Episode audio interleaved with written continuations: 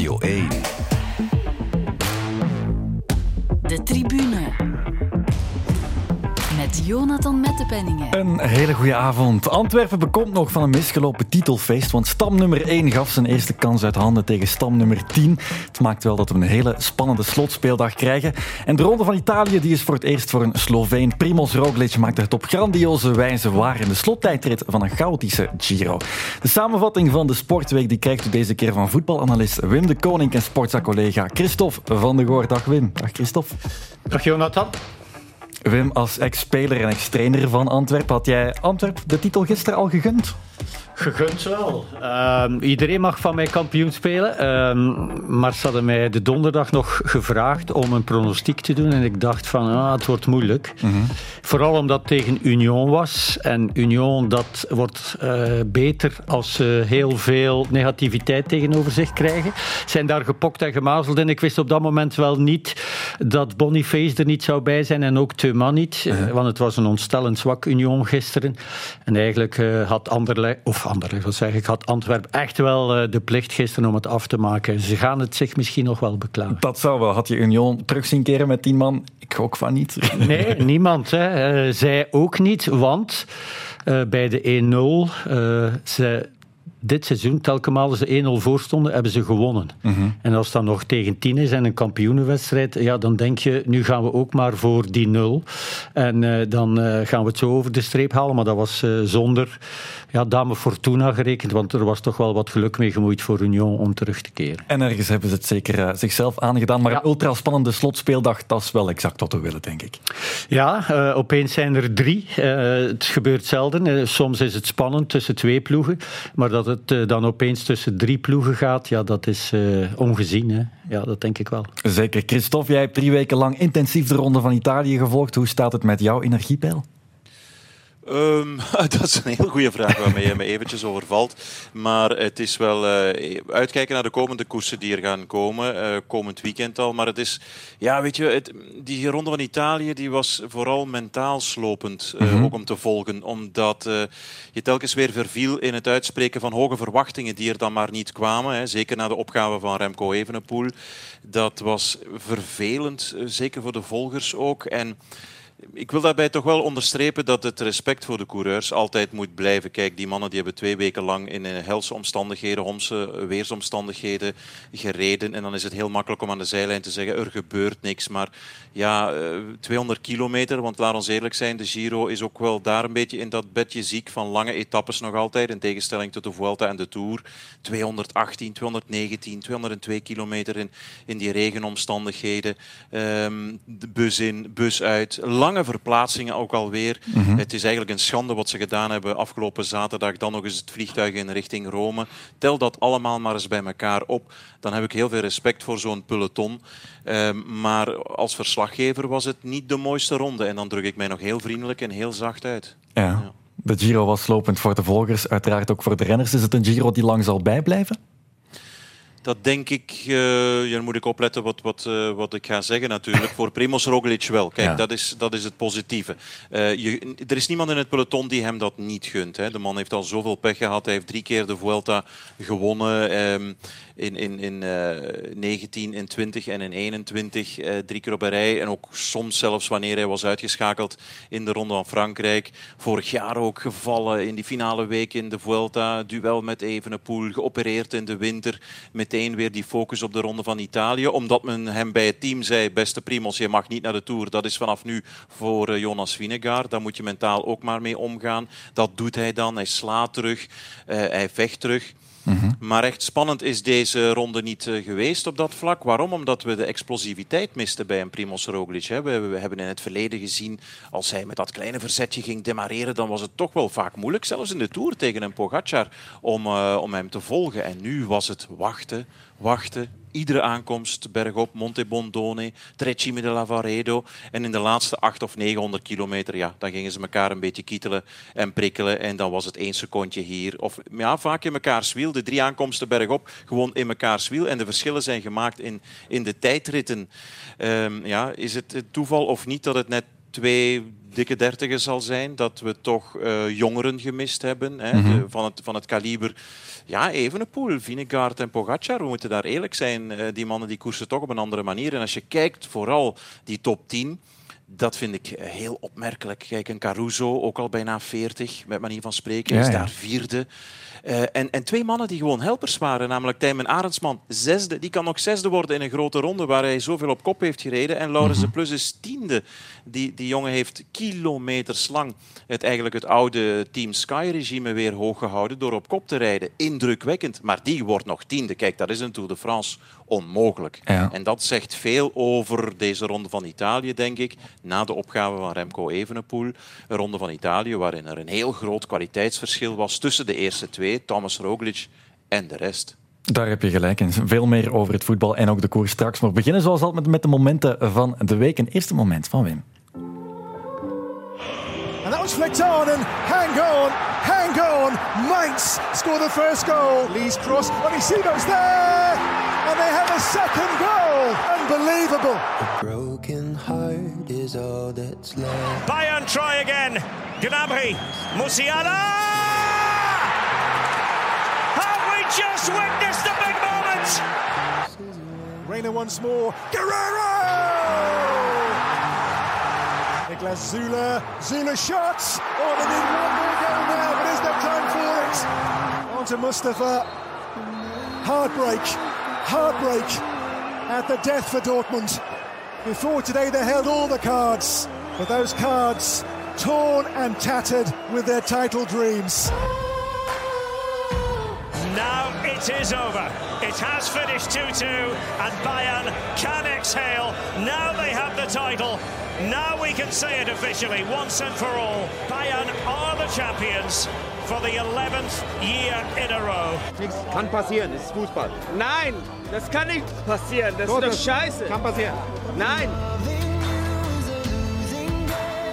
Ja, Wim, ik was voor de elfde titel op rij van Bayern München, maar vooral voor het falen van Dortmund dat op de slotspeeldag alles in handen had. De wet van Murphy in volle glorie. Ja, 80.000 uh, dolle supporters waren klaar om die titel te vieren, eindelijk. Hè. Mm -hmm. Sinds uh, uh, wat is het, 2012 dat ze nog eens kampioen waren geworden. Alleen is het een geweldige afgang geworden. Heel erg snel 0-2 achter tegen Mainz, dat zijn sportieve plicht deed. Hè. en ook verraden door de zenuwen, door de titelstress. Hè. Vorige week toevallig op kop gekomen, omdat Bayern verloor van, uh, van Leipzig. Ja. Met 1-3. Ook een beetje verrassend was dat toen wel. Uh, en ja, uh, 97ste minuut zijn ze uiteindelijk nog teruggekeerd tot 2-2. En dat zou nog voldoende geweest zijn indien Bayern mm -hmm, niet, niet had gescoord in Keulen, waar ze tot de 89ste minuut op 1-1 stonden. Dus het was uh, toch wel een, een echte thriller. Musiala maakte dan de 1-2. En dan was het uh, naar elkaar kijken, hoe zit het? Uh, en het was uiteindelijk Bayern dat met die titel gaat lopen. Dus het grote verdriet van Dortmund, waarbij de supporters, en dat is toch wel opvallend, ja, heel positief bleven. Ja. Mm -hmm. We hoorden daar ook wel een supporter zeggen, scheisse.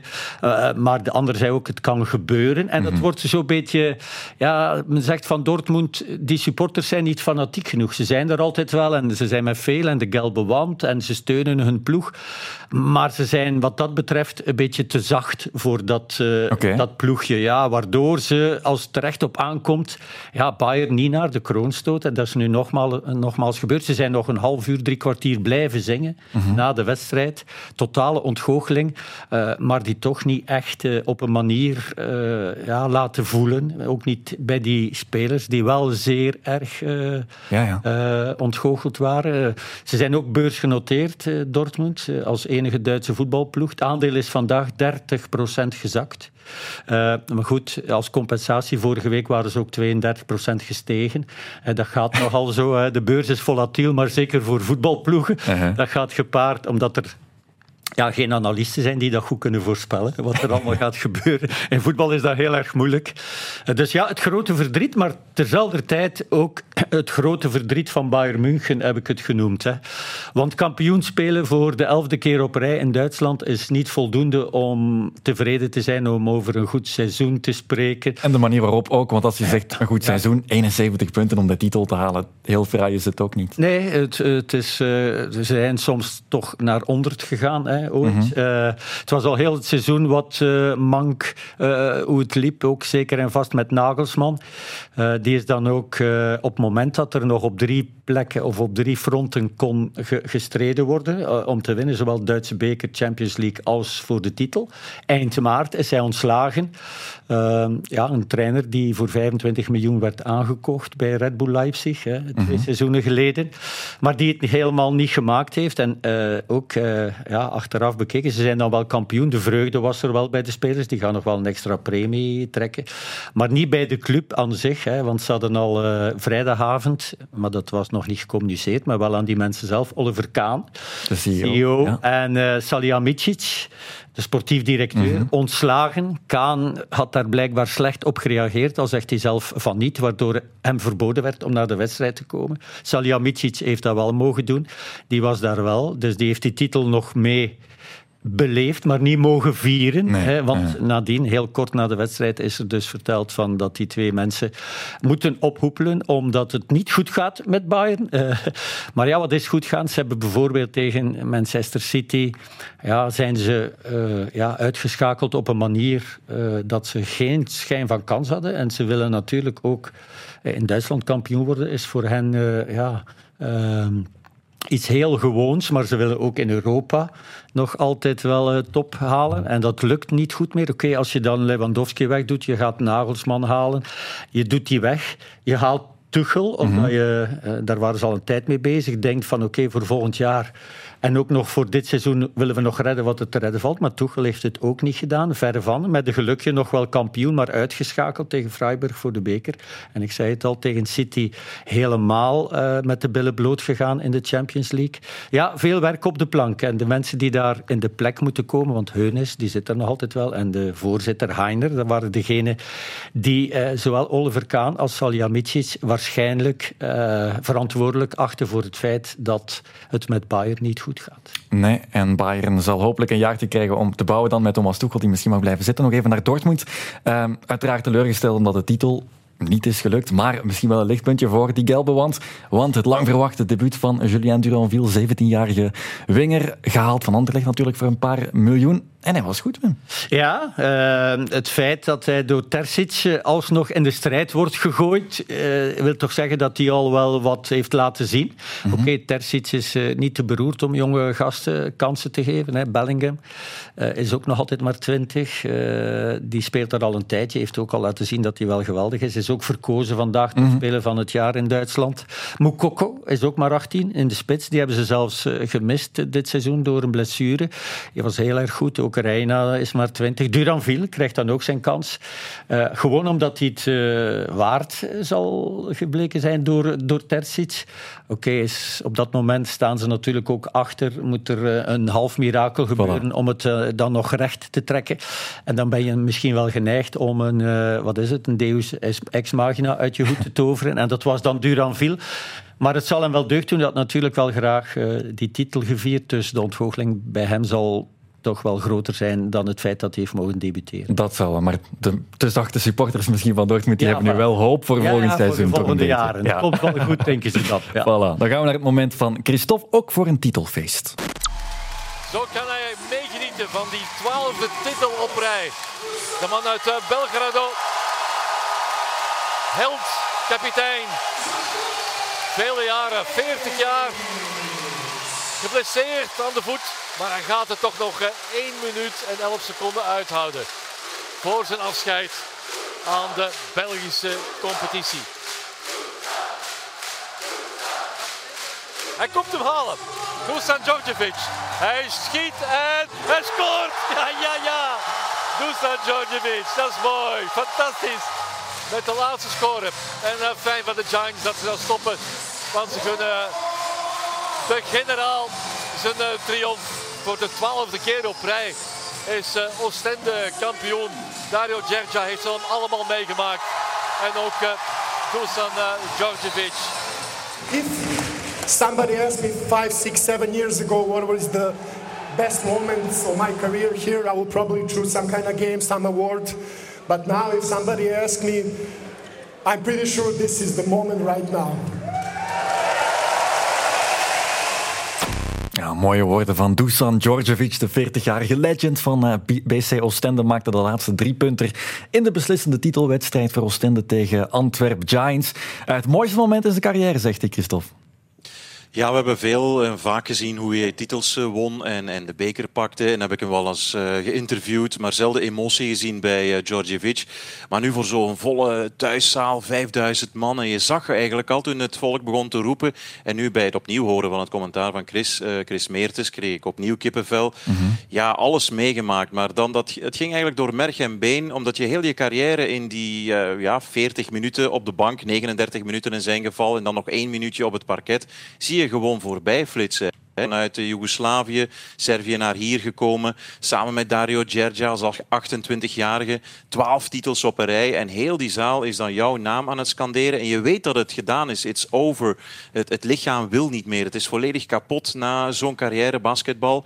En dan ja, krijgt hij de bal, hij vraagt de bal. Maar dan de manier waarop hij zuiver die drie punten nog binnengooit. Op twee meter van de driepuntlijn. Eh, dat, dat, dat toonde ook nog eens een extra en zijn geweldige zuivere klasse. Want voor hetzelfde geld gaat die bal mis. En dan zegt men, ah ja, het is mooi geweest, hij heeft even op. Maar hij gooit die zuiver binnen.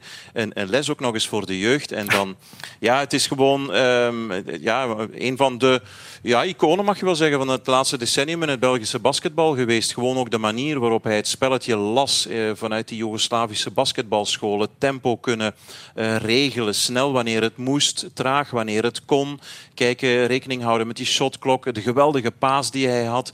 Um, ja, het was echt een, een, een go-to man, man to go. Hè. In, in, money time, wanneer het echt nodig was, gaf men heel vaak de bal aan Dusan Djordjevic. Hier, los jij het maar op, de man met ervaring. En dan bleef hij koelbloedig en dan deed hij dat ook. En ja, dat is wel een, een icoon in het Belgische basketbal, moet ik zeggen. En de manier, gewoon, ja, dat ene feitje waarop hij die drie punten ook nog eens binnengooit. Als je zelf ooit een balletje hebt gegooid, weet je hoe moeilijk dat, dat is. En dan nog eens zuiver. Uh, ja, chapeau, chapeau. Knap moment, knap moment. Absoluut. Hij keert terug naar Belgrado nu. Denk je dat, dat ze hem nog terugzien aan de kust, in een andere rol? Uh, dat is een goede vraag, een moeilijke vraag. Ik kan niet op het in, in, het hoofd kijken van uh, Djordjevic natuurlijk. Um, hij heeft nu zelf al aangegeven, er is ook nog een ander leven mm -hmm. dan het basketbal. Hè. De kinderen thuis, uh, misschien eventjes reculer, terug ja, achteruit zakken en eens kijken wat heeft mijn carrière opgeleverd. Want hij heeft wel aardig wat centen verdiend ook. Um, niet om te rentenieren, denk ik. Enfin, dat zijn ook mijn zaken niet. Maar goed, ik, ik weet niet of zij hem terug gaan vragen in Oostende. Dat is toekomstmuziek. Daar kan ik eigenlijk niet echt op antwoorden. Nee, dat is waar. Als we daarnet spraken over de hegemonie van, van Bayern, dat we dat niet het allermooiste vinden, iets dat moet eindigen, wat zeggen we dan over Oostende? Twaalf titels op een rij. Ja, dat zal eigenlijk, op dit ogenblik moeten we dat al naar waarde schatten, maar dat zal later nog maar meer blijken wat voor een hegemonieperiode het eigenlijk geweest is. Net zoals we bijvoorbeeld nu terugkijken op de eerste periode van het grote Sunair Oostende in de jaren 80 onder leiding van Rudolf van Moerkerken, Mr. V, het team met John Heat, met Mark Brown, met Rick Samai uiteraard. Dat was eigenlijk een eerste ja, grote periode van het grote Oostende. Maar nu twaalf titels op een rij met wel een veel groter verloop aan spelers. Mm -hmm. Dat wel. Hè, dat maakt deel uit van het hedendaagse basketbal. En vooral de plaats die België inneemt in het Europese basketbal. Als een soort van ja, doorgeefluik. Uh, Oostende heeft daar wel een heel speciale uh, functie in. Namelijk omdat heel wat goede spelers, jonge goede spelers, die weten of die wisten wanneer wij naar Oostende gingen. Er was de kans zeer groot en reëel dat we een prijs pakten. En dat is voor de opstap naar uh, het buitenland. En zo zijn er heel veel Amerikanen ook geweest, jonge Amerikanen. 1, 2, 3 seizoenen een prijs gepakt. Huppakee. En dan een stap voorwaarts gezet in Europa bij een grotere club. En op dat vlak mogen we de waarde van Oostende, dit Oostende onder leiding van Dario Gergia, de laatste twaalf jaar zeker niet onderschatten. Integendeel. En daar heeft ook uh, als generaal, als uh, basketbal uh, lezer van het spelletje een heel grote waarde gehad in het begeleiden ook van die jonge ploegmaats en, en talenten. Radio 1. De tribune. En dan terug naar zondagmiddag, waar een zomerse bosuil helemaal vol liep om na 66 jaar eindelijk misschien nog eens een mogelijke titel te vieren. Voetbal is een, is een breinspel, is een geheugenspel. Je moet fit zijn, maar daarbij moet je ook kunnen nadenken, kunnen uitvoeren. En dat is niet makkelijk. Daar is het Bengaals vuur van de harde kern van Antwerpen. Heel vak, helemaal in het rood en dat andere vak dan in het witte clubkleuren. Eerst even kijken naar Stenks. Hier is Jansen. Hij schiet het binnen. Jansen schiet het binnen. Op aangeven van Stenks. Daar is al de goal die Antwerpen mogelijk op weg zet naar de titel. Oh, rode kaart voor Line. Line heeft een rode kaart gekregen. Dat ook nog. Nelson, nee. En nu Puertas. Krijgt hij hem nog ergens? Puertas trapt bal weg. Dan gaat erin. Daar hebben we het al. Het is de gelijkmaker voor Union. Met wat meeval natuurlijk, maar kijk. Ja, het is Vermeeren, net in de hoek waar hij scoorde voor die 3-2. Tegen Brugge. Ja, tegen Brugge. Echt onwaarschijnlijk. Hier geven ze voor een groot gedeelte, als het, zal ze niet oppassen, de titel gewoon uit handen. In een moment dat ze alles in handen hebben. Dat is heel eigenaardig. Dan vloeien ook tranen in de kleedkamer. Wat volledig normaal is als je er zo dichtbij bent en je speelt thuis.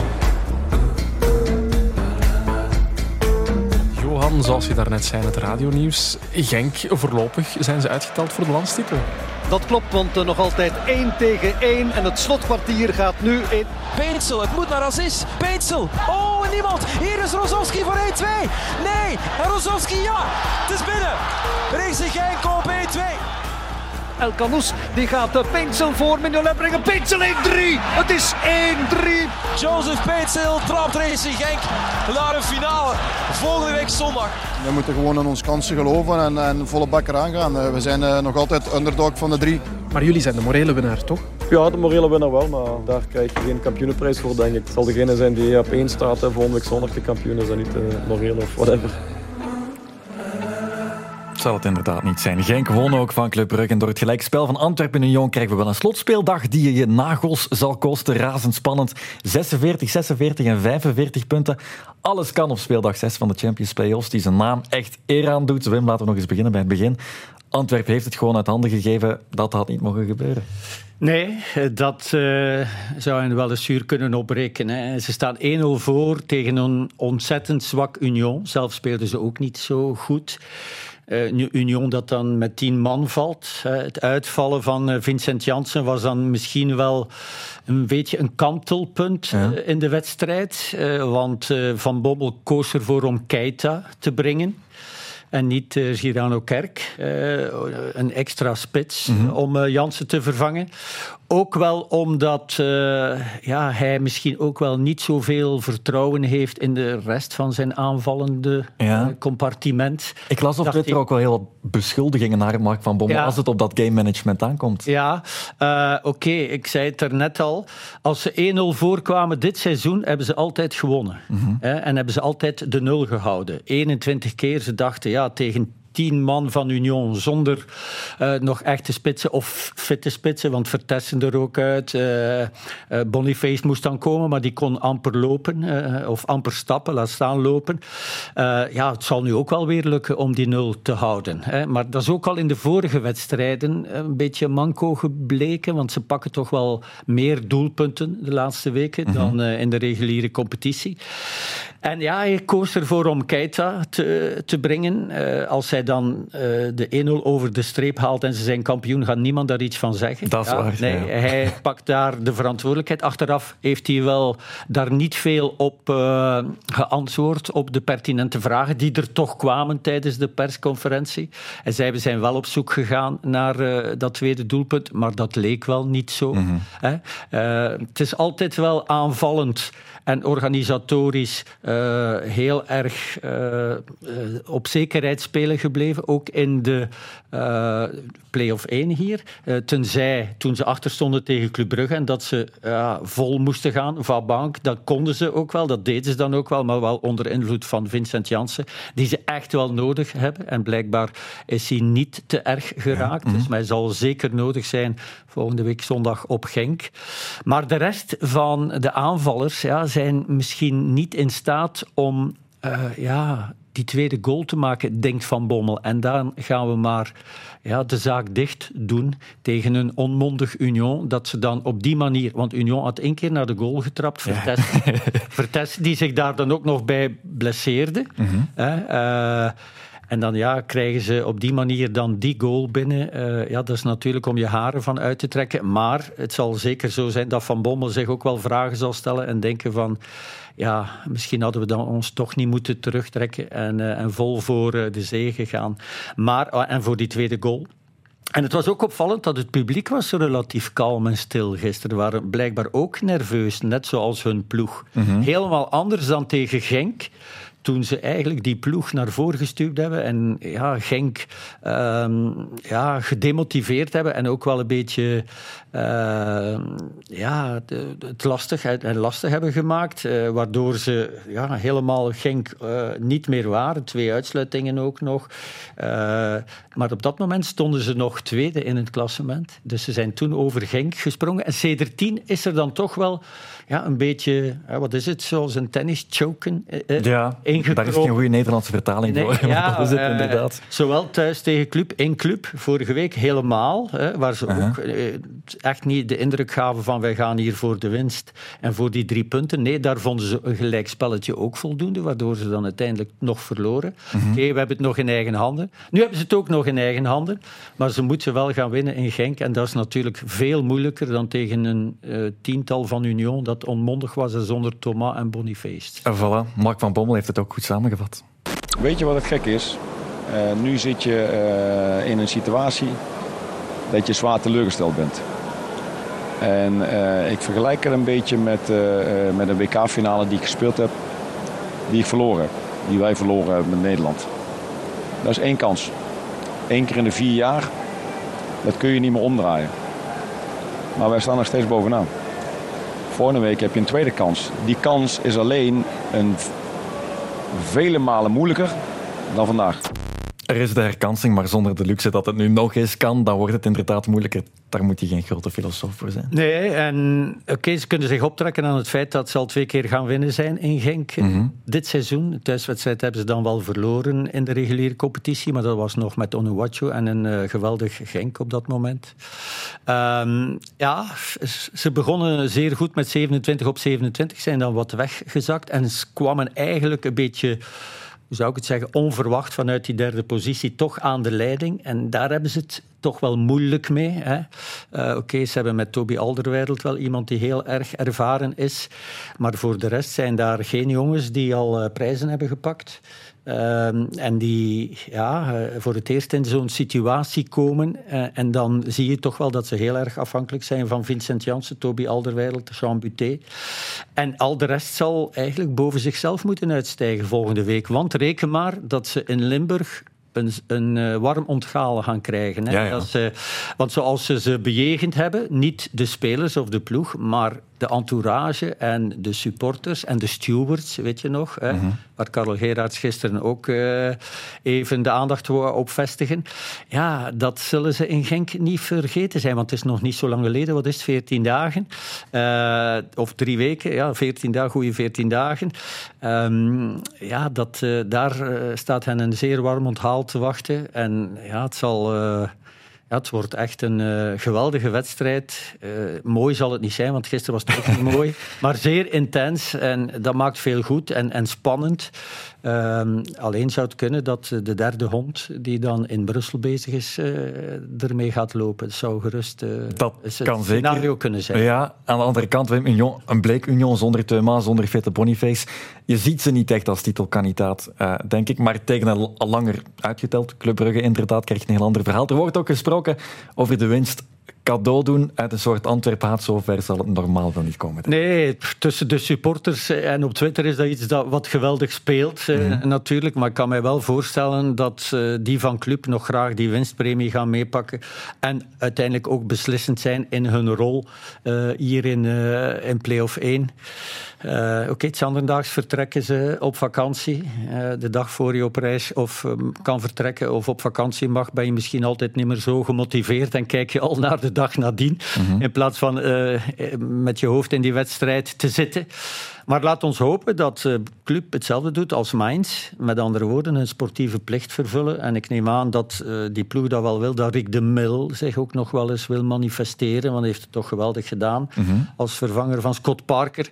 En uh, zijn toekomst is nog wat onzeker, maar dat hij toch nog eens een laatste statement wil maken. En dat hij zal kiezen voor wat hij op dat moment vindt de meest competitieve ploeg uh, om op te stellen. En is dat dan met heel wat jongeren die tot het gaatje willen gaan? Dat zou gerust kunnen. Want bijvoorbeeld Lang komt terug, maar Noosa was goed. Ja, maar Lang gaat zeker spelen. Mm -hmm. uh, want het is maar te zeggen die positie. Ja, ja voilà. uh, Oké. Okay. Uh, en Union zal, zal beter moeten zijn dan, mm -hmm. dan wat ze nu laten zien hebben gisteren. Thuma, die gaan ze misschien nog wel oplappen. Boniface gaan ze nodig hebben, dat voel je wel. En de titelstress zal daar ook wel weer gaan meespelen. En ja, uh, Gent zou ook maar eventjes over Oostende lopen, die laatste wedstrijd in de competitie om play-off 1 te halen. Gezien het matige Oostende en uh, uh, de flow waarin Gent zat. Maar ze verloren wel in voetbal. Ja, het is een levensgroot cliché, is alles. En heel veel mogelijk. Ja, ik zou het echt niet, niet durven stellen. als club zijn plicht doet en Genk ontvangt Antwerp met ja, dezelfde mentaliteit als ze Ginder ontvangen zijn door Antwerpen, mm -hmm. ja, dan is, uh, dan is in Genk misschien ook nog wel iets mogelijk. Het kan echt ja, alle drie worden, inderdaad. Ja. Over Union, die moeilijke selectiepuzzel. Geen Line inderdaad geschorst. Van der Heijden wordt nu een moeilijk verhaal. Vertessen. Boniface wordt afwachten. Zag, zag er inderdaad niet vet uit. Teuma lijkt onzeker. Maar in die laatste match kan je misschien wel extra risico nemen. Ja, dat gaan ze zeker doen natuurlijk. En Lienen is nog niet zeker door het feit dat het een hoogdag is vandaag. Is, uh, zijn ze niet samengekomen om de strafmaat te bepalen. Dat gebeurt maar vrijdag. Mm -hmm. okay. En als ze dan nog... Uh, er moest nog wat uitgezocht worden, hoorde ik ook wel. Als ze dan uh, in beroep zouden gaan, zou de schorsing misschien maar ingaan op maandag. Okay. Uh, en zou Lienen dan pas volgende competitie, uh, volgend seizoen geschorst zijn. Zou goed dus, nieuws zijn voor Union. Ja, zou inderdaad goed nieuws zijn. Zeker als ze ook Thuma niet kunnen recupereren. Als je dan zonder Lienen, zonder Thuma... Oké, okay, Azuzi, El Azuzi doet wel goed. En je hebt ook Puertas. Mhm. Mm -hmm. En wat dat betreft heeft Union een sterkere bank dan Antwerp. En hebben ze een grotere, ruimere kern. Want ik hoorde ook wel en dat er in Antwerpen uh, vanuit het bestuur uh, ja, ook wel gedacht wordt van gaan wij met deze kern kampioen worden? Dat zou voor ons zelfs een verrassing zijn. Hè? Mhm. Mm -hmm. Want ze hebben er ook voor gekozen om Michael Vrij weg te doen rond nieuwjaar. Dat was eigenlijk de stand-up uh, of stand-in voor, uh, voor Jansen. Uh, hadden ze die gisteren gehad, ja, dan breng je die. Ze zijn dan Kerk gaan halen, maar dat bleek dan meer een winger te zijn en een flankspeler dan een diepe spits. Ja, waardoor ze, als ze Jansen moeten missen, dat ze dan toch wel in de problemen komen. Als je dan op die manier nog kan kampioen spelen, zou het geweldig zijn. Maar ze hebben het gisteren wel echt wel laten liggen. Ze hebben het zeker laten liggen. Laten we zeggen dat uh, de twee wedstrijden worden gelijktijdig gespeeld. Ja. Allereerst allebei om half zeven. Laten we zeggen dat 70% naar Antwerp-Genk zou kijken, waar het meeste op het spel staat. Laten we het nog even over Genk hebben. Er was de blessure van Brian Heijnen. Dat is misschien het voornaamste dat we uit die wedstrijd Genk Club Brugge hebben meegenomen. Dat is, mocht, hij, mocht het echt zwaar zijn, een hele grote aderlating voor Genk, denk ik. Ja, zeker. Hè. Uh, vooral omdat gisteren speelden ze niet echt goed. Hè. Van de Voort was een paar keer belangrijk en, en Club deed toch wat ze konden. Mm -hmm. uh, kwamen een paar keer goed weg. Oké, okay, Genk kreeg ook wel zijn kansen, uh, maar het was maar helemaal op het einde dat ze het verschil gemaakt hebben. En ze zeiden niet onterecht van oké, okay, we hebben zodanig veel wedstrijden niet gewonnen waar we wel zeer goed voetbalden. En dat klopt ook wel wat Wouter Franke zei. Voor één keer mogen we nu ook wel eens winnen na een minder goede wedstrijd. Voilà. Ja, uh, dus um, ja, en het is, het is tekenend voor alle drie de ploegen. Dus de stress zal toch wel heel veel kwaliteit wegnemen, heb je de indruk. Dat ze alle drie niet overtuigend gespeeld hebben dit Mhm. weekend. Dat ze alle drie niet het gevoel hebben van oké, okay, wij gaan er zondag zomaar los overlopen. Integendeel, ze hebben alle drie hun, uh, de nodige vraagtekens naar wat ze afgelopen weekend hebben laten zien. Uh, dus ja, uh, wie dat best kan managen, denk ik dan. Eh, die gaat het misschien wel halen. En Van Bommel zei, je moet elke wedstrijd, en vanuit zijn ervaring zegt hij dat natuurlijk wel, eh, ik heb die nu ook vandaag aangepakt zoals ik een gewone competitiewedstrijd aanpak. Alleen had je niet het gevoel dat zijn spelers die boodschap begrepen hadden. Mhm. Ja, de stress was toch echt wel voelbaar, eh, ook, ook bij dit antwoord. Ergens logisch natuurlijk. Zeker Goed. logisch, ja. Concluderend, Wim, wat zegt de grote voorspeller in jou? ja, dat is heel erg moeilijk. Hè. Ja, ik heb toch het gevoel, ja, als ik dan toch één ploeg eh, moet naar voren schuiven, denk ik Union. Voilà, het is genoteerd. Ja. Radio 1. De tribune. En dan gaan we door naar de Laars en naar de eerste Giro-winst van een Sloveen. I'm more into hip hop, really. Bit of Tupac, Biggie, Eminem. Gaat Garen Thomas erin slagen om na de Tour ook de Giro te winnen en op 37-jarige leeftijd de oudste winnaar ooit te worden van de Giro? What have you got, Primoz? What's left? Can you dig deep? 4, 3, 2, 1 en daar gaat hij. Garen Thomas voor zijn tijdrit van 18,6 kilometer. En je weet wat hier staat te gebeuren natuurlijk. Met die aparte wisselzone, verplichte wissel van tijdrit naar gewone wegfiets. Ik vertelde dat eh, Thomas onderweg 2 tot 3 seconden voorsprong had genomen op eh, Roglic. Waarom heeft hij dan 2 seconden achterstand op dat eh, tussenpunt? Wel, dat is omdat Garen Thomas heel rustig, heel traag zelfs, van fiets heeft gewisseld. Bij eh, Thomas gaat het moeizaam. Kijk naar de zoutafzetting op eh, de broek. Thomas die zichzelf een beetje tegenkomt op de klim. Maar het verschil is nog niet zo groot. 7, 8 secondjes. Oh, en Peck, Peck voor eh, Primoz Roglic. Hij staat stil. Peck bij het schakelen voor Primoz Roglic. Hij stond stil. Hoeveel tijd heeft hij hier nu verloren? All eyes on Primoz Roglic, cheered on by his nation. We kijken naar de binnenkomst van Primoz Roglic. En die gaat er een pak af doen van Almeida. 44 minuten en 23 seconden zijn 42 seconden beter dan Almeida. Maar nu is het wachten op de tijd van Garen Thomas. 5, 4, 3, 2, 1. Primoz Roglic wint de Ronde van Italië. En Thomas wordt tweede na een onwaarschijnlijke opknoping op de Monte Lussari. Che confusione, sarà perché ti amo, è un'emozione. Wat, kan ik daar nu op zeggen? Gewoon, ja, hoe dat voelt. Het moet vreselijk zijn. Ik voel met je mee. Dank u. Primoz, massive congratulations. Is this the biggest emotional roller coaster you're going through after race? Uh, I guess so, for sure. I mean, it's, uh, it's just home, huh? Spent my whole life here, a couple of k's away in Slovenia or with the ski jumping. Uh, I will definitely uh, remember for the rest of my life. Yeah, I'm getting too old for this shit.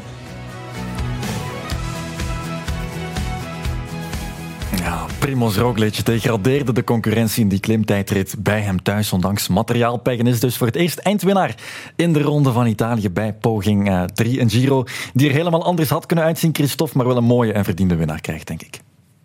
Ja, en daarin kan ik dan Geraint Thomas eh, heel goed begrijpen dat hij zegt ik verlies liever met 14 seconden dan met eh, 2 seconden natuurlijk, want dat zou nog pijnlijker zijn geweest en dan had Laurens de Plus helemaal niks gezegd tegen eh Renaat Schotten natuurlijk in het interview nadien. Maar eh, ja, als je ziet, hij had ook wel een achterstand bij het begin van die klimtijdrit en het verschil daarin was groot. Het verschil onderweg in die drie weken was helemaal niet groot, hè, want ik heb het nog eens opgeschreven op de Monte Bondone, wiel en wiel, aankomst bovenop eh Val di Zoldo, net hetzelfde Trecime. Dat was helemaal een berg die een muis baarde, weer wiel en wiel. Dus ze waren op dat vlak aan elkaar gewaagd en, en er was eigenlijk geen verschil. En dat had veel te maken met een gebrek aan explosiviteit. Zoals gezegd bij Primoz Roglic. En eh, Thomas heeft gereden zoals hij min of meer ook ja, zijn toeroverwinning heeft behaald in 2018. hè. Een secondje hier pikken, een secondje daar. Toen was dat natuurlijk nog, want in die Tour van 18 zijn ze begonnen met twee leiders. Chris Froome deed toen ook nog mee, pas op laatste door het, door het ijs gezakt. Maar nu zag je nog meer ja, de Team Sky-tactiek terugkomen bij Ineos. Hè, het volgen, Thomas die in het wiel zat van de Plus en van Tijmen Aresman. En hij mag die beide heren geweldig danken voor het werk dat ze geleverd hebben. En idem dito mag Roglic dat doen ehm, richting de Amerikaan Sepp Koes. Want dat vind ik eigenlijk de, de drie toppers, Arendsman, de Plus en Koes Uh-huh. van deze Ronde van Italië. Die het werk dat die geleverd hebben, ze zijn bepalend geweest voor hun twee kopmannen. Maar hun twee kopmannen hebben nooit echt strijd kunnen leveren. En eh, als je dan terugkoppelt naar Evenepoel, what if, wat indien Evenepoel... Ja, dat is eh, ongetwijfeld ging je die vraag ook nog wel stellen natuurlijk. Toen kwam dat is- dat- maar- voilà. maar als je eigenlijk alleen fixeert op die grote twee, zelfs dan ben ik een beetje op mijn honger blijven zitten. Niet, niet alleen, denk ik, eh, qua aanvalslust. Ze staken Mhm. er bovenuit ten opzichte van een Joao Almeida en zeker de rest van de top 10. En zoals gezegd, als twee helpers, knechten, met alle respect, als die zesde en tiende kunnen worden in een eindklassement, dat zegt veel over de waardeverhoudingen. Een 37-jarige tegen bijna een 34-jarige.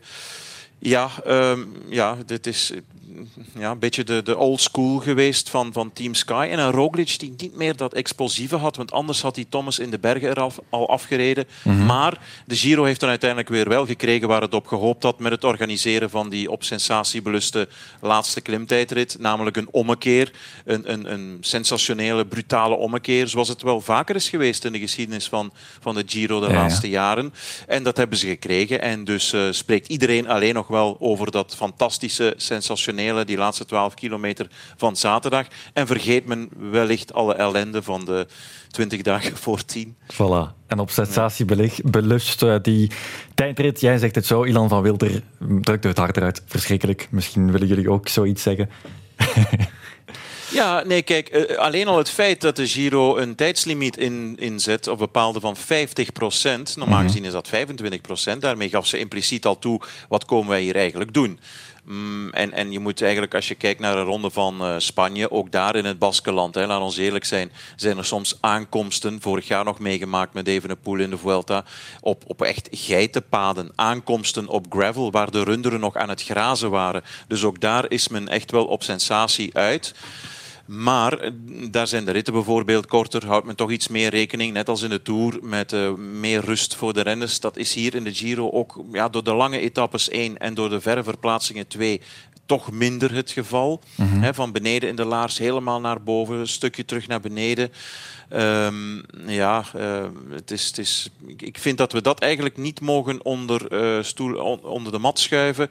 Dat de Giro op dat vlak toch wel... Dat had niet gehoeven, die, die klimtijdrit van afgelopen zaterdag. Dat hoeft niet. Als je in de buurt bent van Trecime, in de mooie Dolomieten, doe het dan daar. Ga niet bewust nog iets opzoeken Mhm. waar eigenlijk geen auto's naar boven kunnen. Dat alleen al. Ze, ze doen altijd een presentatie van de Ronde van Italië maanden, van een grote ronde, maanden op voorhand. Dan weet je toch, ben je daar geweest, waarom op zo'n pad waar geen auto's kunnen, dat je met motoren naar boven moet, met een mechanicien van achter, de fiets op zijn schouders als een veldrijder.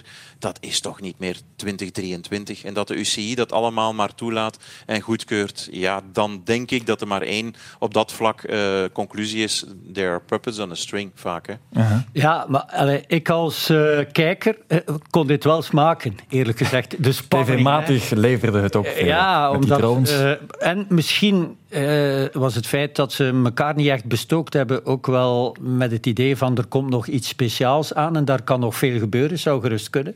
Eh, maar, maar ja, en dan ook natuurlijk door het feit dat eh, Roglic opeens pech kreeg en, en die zaken.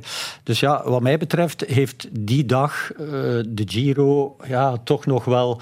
zal hij nog bijblijven, ik kan het zo zeggen. Anders ging hij helemaal niet bijgebleven zijn. En natuurlijk die oudere mannen, maar als Gegenhard niet uitvalt, denk ik, en als er Evenepoel niet uitvalt en als Vlaasov niet uitvalt, zouden de jonge mannen misschien ook nog wel het voortouw genomen hebben. Ik weet het niet, hè. Het, het is maar... Het uitvallen het van Theo. Gegenhardt is Ja. absoluut een, eh, een, een wedstrijdbepalend element geweest. Want die was volgens mij beter dan. Thomas. Ja. Zeker tot eh, op het moment dat hij uitviel. En Evenepoel had... Want dat blijft voor mij nog altijd het feit van de Giro. Het feit dat iemand met corona in zijn lichaam alsnog een tijdrit wint. Dat is onwaarschijnlijk. Dus hoe goed was hij wel niet?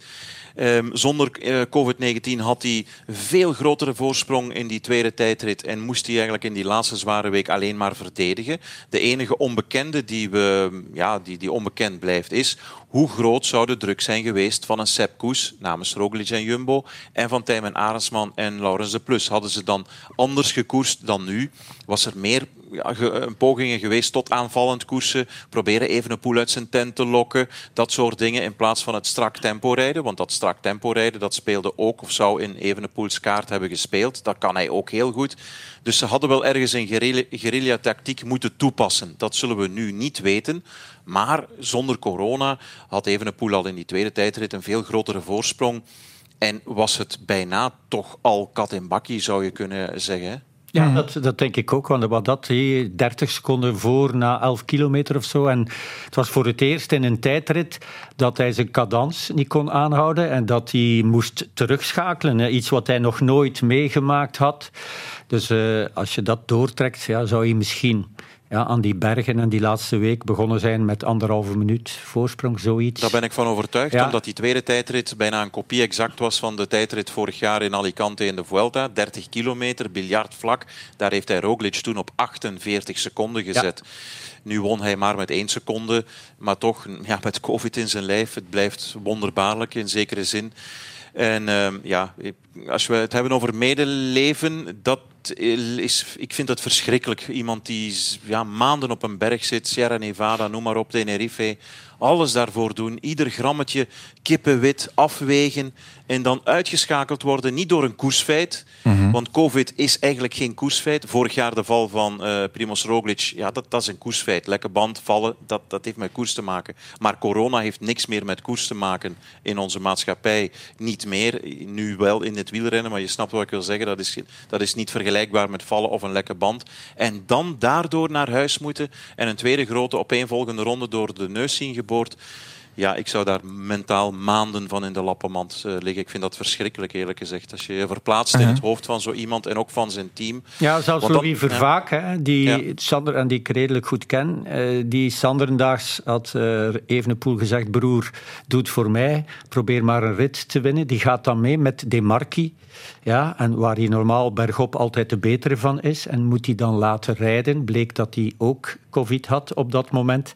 Ja, ook voor die jongens die hetzelfde gedaan hebben als Evenepoel, in die hele voorbereiding, ja, is dat heel erg, eh, heel erg lastig. En ik, dan vond ik het wel mooi dat we de reactie zagen van die eh, ploegmaats van Roglic, van Jumbo-Visma, dat die toch echt heel erg meeleefde met de manier waarop hij eerst ja, dat... dat akkefietje had Mhm. en dat hij dan uiteindelijk dan toch wint. Alleen Sepp Koes bleef er stoïcijns kalm onder, had ik de indruk. Maar hij was dan wel de belangrijkste helper geweest. Om dat heel kort daar nog aan toevoegen. De Mhm. mannen van Jumbo hebben zelf drie, vier covid-gevallen gehad voor Juist. het begin van de Giro. Dus ze wisten van, oeh, wat hangt er hier ons boven het hoofd. Zij hebben in de klappen gedeeld voor de start. Zijn uiteindelijk wel met acht man eh, hebben ze Ja. Rome voltallig kunnen halen. Dat was ook nog een mooi beeld. Goed, Evenepoel kondigde vandaag aan op Instagram dat hij zal terugkeren. Niet wanneer, maar de will be back klinkt duidelijk. Er is opnieuw een finish business natuurlijk. Volgt hij zijn tourpad volgend jaar of komt er toch nog eens een Giro?